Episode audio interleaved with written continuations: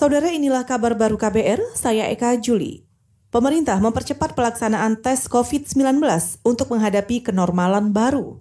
Menteri Perencanaan Pembangunan Nasional Suharso Monowarfa mengatakan pemerintah masih berusaha bisa melakukan tes sebanyak 10.000 per hari. Nah kita sekarang berusaha Bapak Presiden minimal 10 ribu. Bahkan kalau kita ingin mengejar, mungkin harus di, di double, bisa sampai dengan 20 ribu per, per hari. Kita punya uh, definisi ODP dan PDP pada waktu itu adalah terkait dengan soal tracing dan tes. Tetapi kalau kapasitas tes kita sudah naik, sudah bagus, sebenarnya yang PDP dengan sendirinya kita bisa langsung tes, yang ODP juga akan kita tes. Menteri Perencanaan Pembangunan Nasional Suharso Manoarfa juga mengatakan Indonesia tertinggal jauh dibanding negara lain.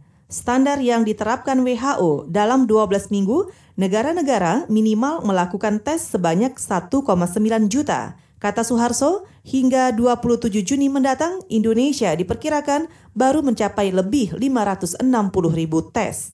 Saudara, kematian akibat COVID-19 di Amerika Serikat mencapai lebih 100 ribu korban. Data dari Universitas John Hopkins menunjukkan Jumlah kasus yang terinfeksi mencapai 1,7 juta jiwa. Jumlah kematian yang mencapai lebih 100 ribu jiwa ini hampir sama dengan jumlah prajurit Amerika yang terbunuh di Korea, Vietnam, Irak, dan Afghanistan dalam 40-an tahun ini. Infeksi di negeri Abang Sam pertama muncul di negara bagian Washington pada 21 Januari lalu. Kasus pertama adalah seorang pria yang baru saja kembali dari Tiongkok. Secara global, ada 5,7 juta orang terinfeksi dengan jumlah sembuh 2,5 juta dan kematian 350 ribu kasus. Amerika Serikat menjadi negara tertinggi kasus COVID. Di bawahnya ada Brazil, Rusia, Spanyol, dan Britania Raya.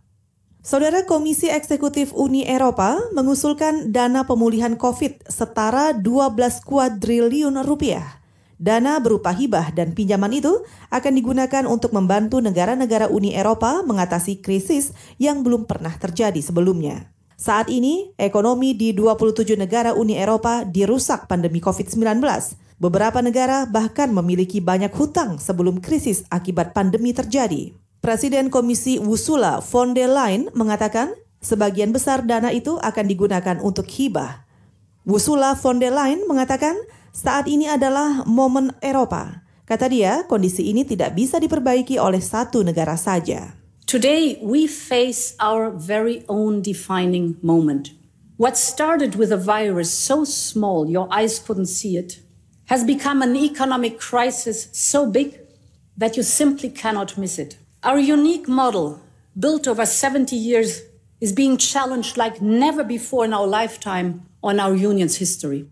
Presiden Komisi Ursula von der Leyen mengatakan saat ini ekonomi di 27 negara Uni Eropa dirusak oleh pandemi COVID-19. Beberapa negara bahkan sudah memiliki banyak utang sebelum krisis akibat pandemi terjadi. Saudara, demikian kabar baru. Saya Eka Juli.